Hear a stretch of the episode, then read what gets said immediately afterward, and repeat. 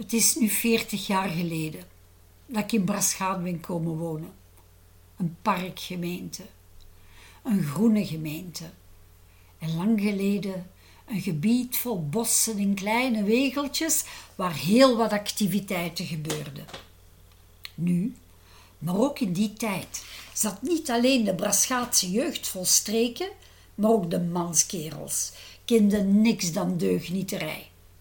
Ze konden daarbij liegen dat ze het zelf geloofden. De kampioen was Neel Zomers. Alle kapitelautmakers waren buiten hun gewone bezigheden stropers en leurzers, smokkelaars van stiel. En de leurzers, die deden de beste zaken. Zij wisten in welke hoeken en kanten van bossen en velden de commise hun kostbare zweet zorgvuldig in een klein medicijnflesje verzamelde. En de smokkelwaar, die kwam langs de andere kant binnen. Eens, wanneer Neel weer op strooptocht was, had hij het groot malheur zijn horloge te verliezen in het bos. Weken Maanden had hij over zijn verlies getreurd. Maar een mens moet voor het geluk geboren zijn, zoals Neel, want wanneer hij jaren later in datzelfde bos aan het stropen was, hoorde hij zo'n eigenaardig gerucht dat hem er helemaal aardig van werd. Dat was precies het tik, tik, tikken van zijn horloge. Hij zocht in het zand onder de vlijmscherpe dennennaalden en waarachtig, daar vond hij zijn horloge, na jaren nog altijd in perfecte staat. Ze ging nog dat een plezier was. En ze gaf het juiste uur. Is het niet waar, Jo? vroeg Neel onze vrouw. Ja, Neel, was het antwoord. Op een andere dag was Neel met zijn buks in het bos. Daar wiepen ineens twee dikke konijnen voor zijn voeten weg. Hij mikt, schiet. Schot gaat niet af. Neel draait zijn roer om, kijkt in de loop, ziet het kruid komen, draait trap terug en paf, paf. Ze lagen er alle twee, zei Neel. Is het niet waar, Jo? Ja, Neel, was het antwoord. Neel zwoer alle duvels uit del. Wanneer iemand dieren beweren een betere hond te hebben dan hij. Dat bestond niet. Alleen had hij er zo halvelings last mee wanneer er een motocyclet langskwam. Dat kost die hond om de duivel niet verdragen.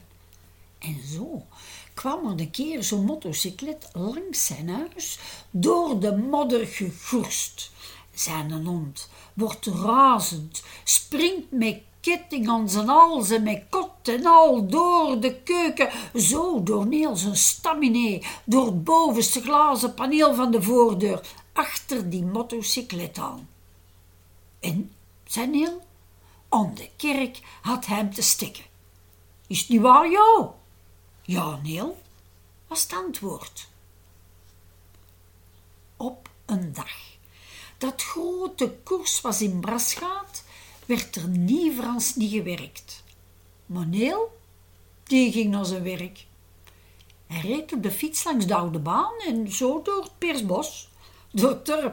Er kon geen muis meer langs van het volk. Toen Neel langs Dofgracht reed, werd hem opeens iets gewaar in zijn zij. Je kunt niet raaien, zei Neel, wat het dat was. Ah wel, dat was een snoek die uit de hofgracht was gesprongen recht in mijn zak. De snoek stak mijn knapzak in zijn snuit, scheurde mijn zak kapot en sprong rap terug in het water. Ik was mijn knapzak kwijt. Is niet waar, Jo? Ja, nee, was het antwoord. Fons een gebuur van de Neel die zou een geroktheid opdoen, moest hij voor Neel achterwege blijven.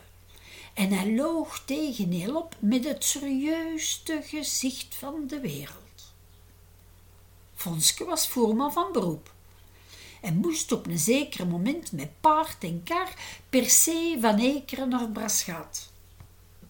Natuurlijk stond de in Ekeren voor de bareel van de trein of achter, gelijk als dat je het nemen wilt.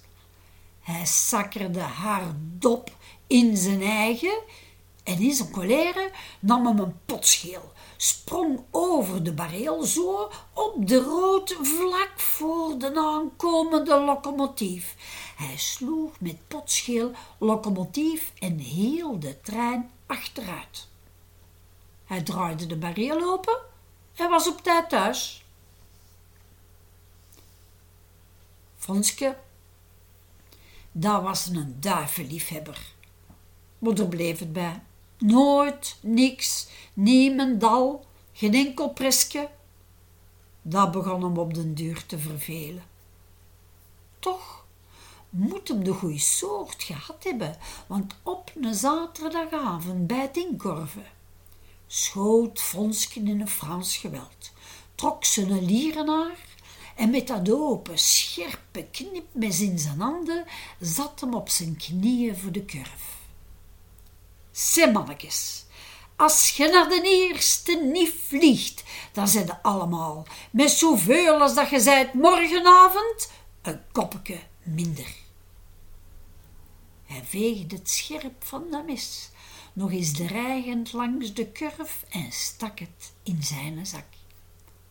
Met zo'n soort van complimenten gingen zijn duiven op reis en Fonske, Fonske vloog van toen af aan de eerste en al de ereprijzen. Fonske was ook liefhebber van velokoersen. Hij had een vriend, een vredige coureur, Stanneke van Engeland, die zelfs tot in het buitenland al de koersen won. Fonske, Fonske verzorgde Stanneke van Engeland. En Alhoewel dat Fonske zeker nog niet verder geweest was dan Brussel, vertelde hij op een keer naar Canada te zijn gereisd met zijn coureur om daar een koersje te gaan betwisten. De koningin van Engeland die had dat vernomen en had een eerste trein naar Canada genomen om ook de koers te volgen. Om Stanneke van Engeland te verzorgen had hij plaatsgenomen in de automobiel van de koningin. En vanaf het begin reed Stanneke alle man van zijn wiel en snoekte eraan dat ongelooflijk was. Allee, zei Fonske, ze volgens zijne gewoon een trenot.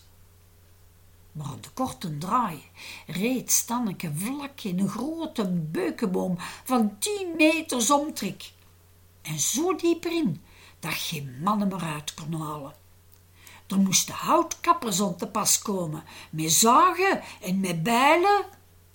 Die mannen hebben acht dagen gewerkt eer dat Stanneke verlost was.